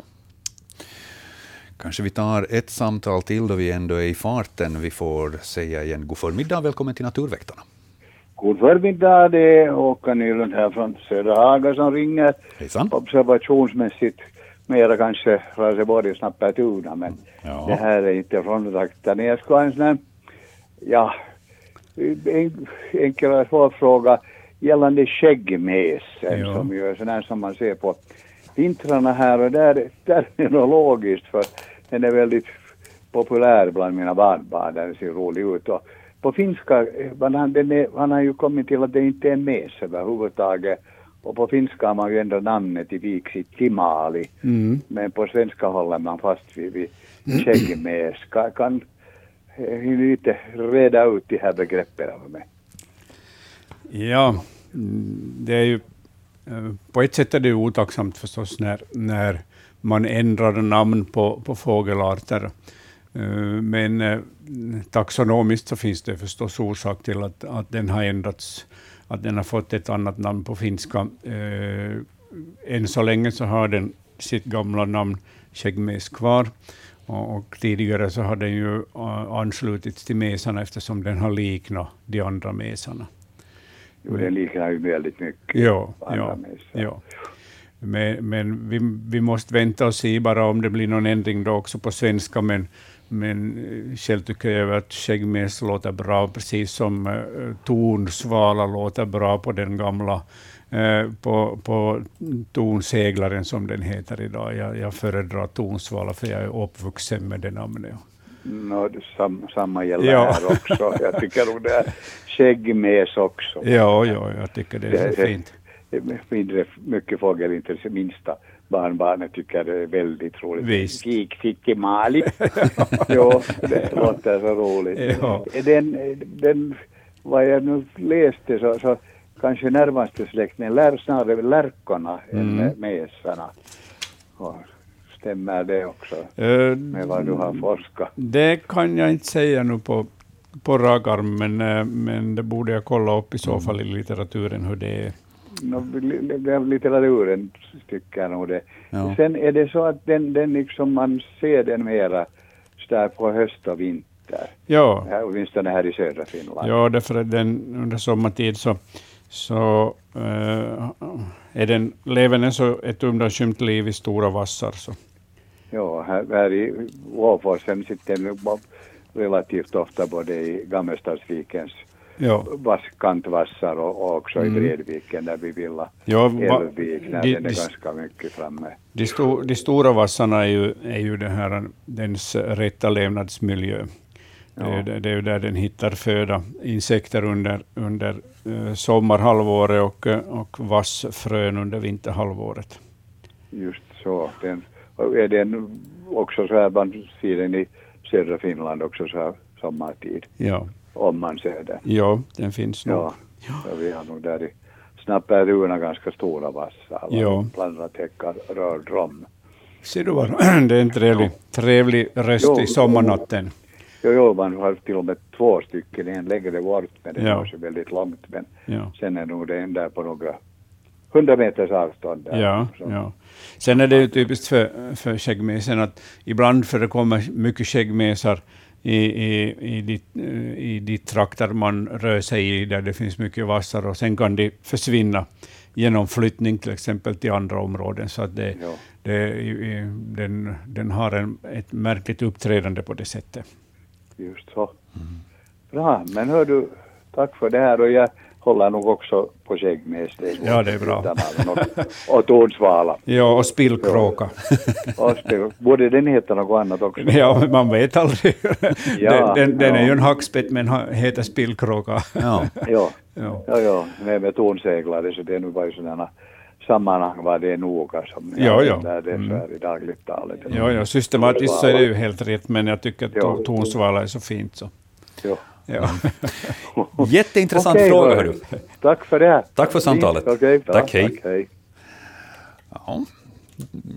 Vissa gånger då man har lärt sig att det heter någonting så kan det vara ganska svårt att ändra det för sig själv också. Och, Ja. och fågeln i sig så tror jag inte bryr sig så hemskt mycket att kallas den skäggmes Nej, eller någonting nej, annat. för fåglarna så är det ju, spelar inte någon roll, men, men eh, jag tycker så det rent språkkulturhistoriskt så, så är det fint med de här äldre namnen och, Mm. och de berättar en hel del också om, om, om vår historia tillsammans med fåglarna. Och, och, mm, systematiskt så är det förstås rätt att ge de här fåglarna rätt benämningar, men, men det är inte lika intressant. Men sen så har vi också det här att språket utvecklas konstant. visst. Det är Ja. det enda som är konstant, är att det är i förändring. Ja. Så, ja, men det där, det där kan man dryfta om hur länge som helst. Ja. Vi har 16 minuter tid att svara på ganska många frågor ännu, så vi, vi ska ta och titta alldeles just på fiskfrågor. Vi, Ja. vi kommer fram till, till fisken här nu passligt till lunch, men innan det eh, en kort fråga också om sidensvansar. Vad ska man ge för mat åt dem? Det är Bitti som har skickat in e-post åt oss. bär av olika slag. Eh, har du eh, mycket frusna uh, vinbär, lingon som du säkert inte eh, hinner äta upp eller som du kan avvara en del, så uh, bjud sidensvansen på det. Eh, sen eh, om man är förutseende så är det bra att, att eh, frysa ner uh, rönnbärsklasar på hösten i, i, i plastpåsar och så plockar man fram en klase åt gången och hänger ut åt sidensvansarna. Vackert att hänga upp. Ja, visst är det det. Där tips, eh, bär åt sidensvansarna. Nu då, fiskfrågor. Vi har några sådana som vi ska beta av här och, och dessutom också kommentera vissa vad ska vi säga, otrevliga tendenser som vi har märkt av här. Ehm, men vi börjar med Susannas fråga. Eh, Hej, jag har under höstens lopp flera gånger hittat död småfisk som sköljts upp på havsstranden i Sibbo skärgård. Ibland har man kunnat räkna upp till ett tjugotal fiskar. Vad kan det här bero på? Och så har hon skickat in en bild också på en fisk, eh, en av dem som har sköljts upp. Det är bild nummer 12 här på vår bildblogg. Vad kan vi berätta, Ja, det är en spigg, antingen småspigg eller storspigg. Nu syns inte de här uh, ryggtaggarna så mycket. Storspiggen har tre taggar och uh, småspiggen har 8, 9, 10 taggar. Så att, eh, men jag ser tydligt tre taggar här, så kanske det är en storspigg och det är den vanliga också. Det här är ett, ett eh, årligen återkommande fenomen, ett helt naturligt fenomen. Uh, spiggarna eh, blir inte så gamla. Två år så är ju en eh, ganska, ganska aktningsvärd ålder. Tre år är en hög ålder för spiggen. Och, och eh, när de har lekt, eh, lekt eh, färdigt eh, och, och de har ju en lång lekperiod på, på, det här, på sommaren, de här spiggarna, och så brukar de vara ganska utschasade. Och, och de här äldre exemplaren så, så spolas i land under stormar. De orkar inte hålla emot. Spiggen drar sig bort från, från sommarstränderna ut på, på höst och vintervatten, alltså på fjärdar och, och stora vattenytor där de kan finnas i stora stimme.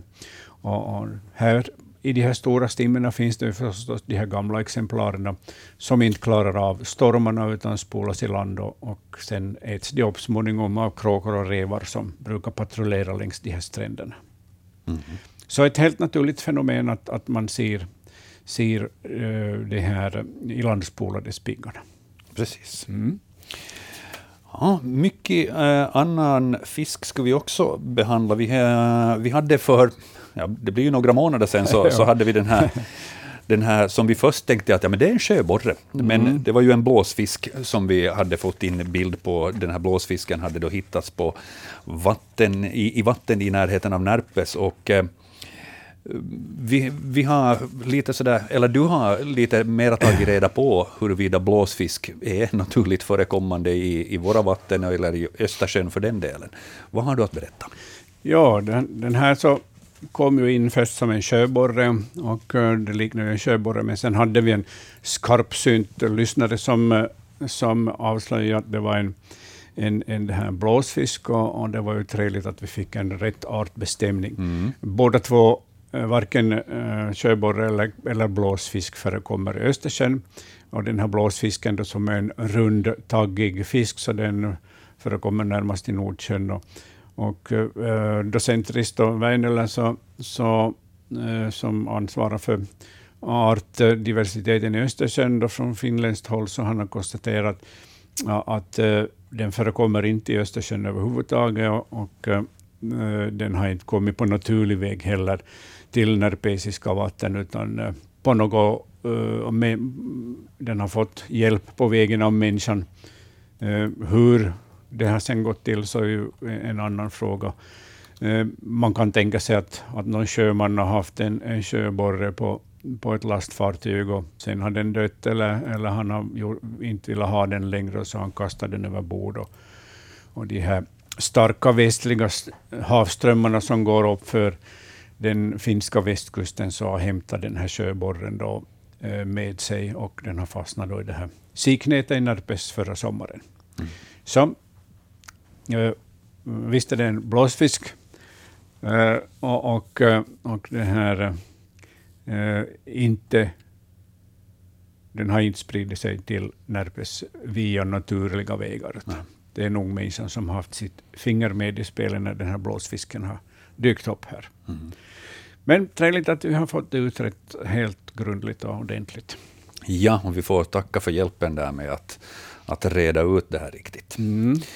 Vi hade en annan äh, fiskfråga ja. också som vi, som vi var tvungna att återkomma till. En, en bild som, som skickades in för någon månad sedan. Det också, ja, en par månader sedan åtminstone. Ja. Ja, mm. Då var det en fisk som kom som yngel från en insjö då det hade samlats var det grodyngel ja. och, och mm. så hade man märkt att nej, men här är ju ett fiskyngel med också. Och, nu flyttar den in i akvariet då tillsammans med andra akvariefiskar, då inte ja. riktigt kunde veta vad det här var för en fisk. Och vi tittade på den och du, du hade en sån aning om vad det kunde röra sig om, men du var inte riktigt överens om den här svarta ordentliga markeringen som den har vid stjärtfenan. Ja, nej.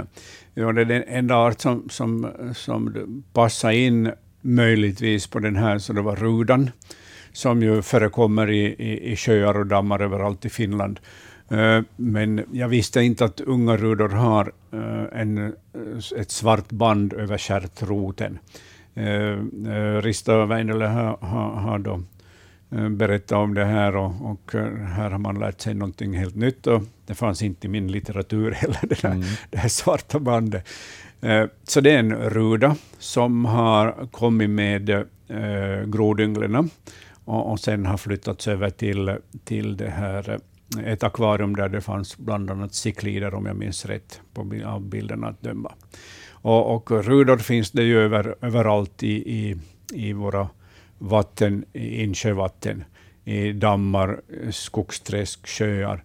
Och det här är då ett yngel som har kläckts uh, under vårens eh, lek, för sommarens lek, och sen kommit med hovvattnet till, till det här, tillsammans med grodynglen och klara sig. Det är ju en seglivad art, så trots att den har haft det lite besvärligt eh, säkert i hoven den här, den här ynglingen en stund, så har den klarat sig bra. Så, så jag hoppas att, eh, att eh, Jonas och, och hans son råkar lyssna på programmet så att de får reda på att det är en ruda. Mm. Och kanske släpper ut den då? Ja, eller så får de ha den i akvarium. Mm. Det går ju bra det också. Det där med att släppa ut fiskar från akvariet, det är sånt som kan ställa till problem? Det. Ja, det, det, alltså akvariefiskar så, så får man inte släppa ut i, i, det här, i, i, i våra vatten. De ska hållas i akvarierna, men ändå finns det många äh, människor som äh, sysslar med akvarier många och många, jag vet inte hur många, men det finns i alla fall människor som sysslar med akvarier och som sysslar samtidigt med att flytta, att släppa ut akvariefiskar i naturen. Och, och eh, det finns en akvariefisk som, som har etablerat sig i, i södra Finland eh, genom utplantering i en sjö, och det är solabborren, en, en, eh, en eh, utpräglad akvariefisk. Alltså det är en fisk från sydliga trakter. Och, och, och, eh, det är förstås förkastligt att, att släppa ut sådana här främmande arter i, i, i vår vattenmiljö. De kan ställa till med en massa besvär. Mm. Så håll alla akvariefiskar i, i dina akvarier. Och vill du inte uh, fortsätta med akvariet eller inte orkar hålla akvarierna mera, så, så skänk bort det åt någon som vill fortsätta med akvariet. Mm. Släpp inte ut fiskar i naturen. Och sånt här att spola ner dem i avloppssystemen nej, nej, nej, nej. ska man inte heller göra, utan nej. avsluta det fint och värdigt eller, eller ge det vidare, ja, eller, ja. eller sälj, mm. eller vad ni vill. Ja, Men släpp mm. inte ut dem här i naturen. Nej.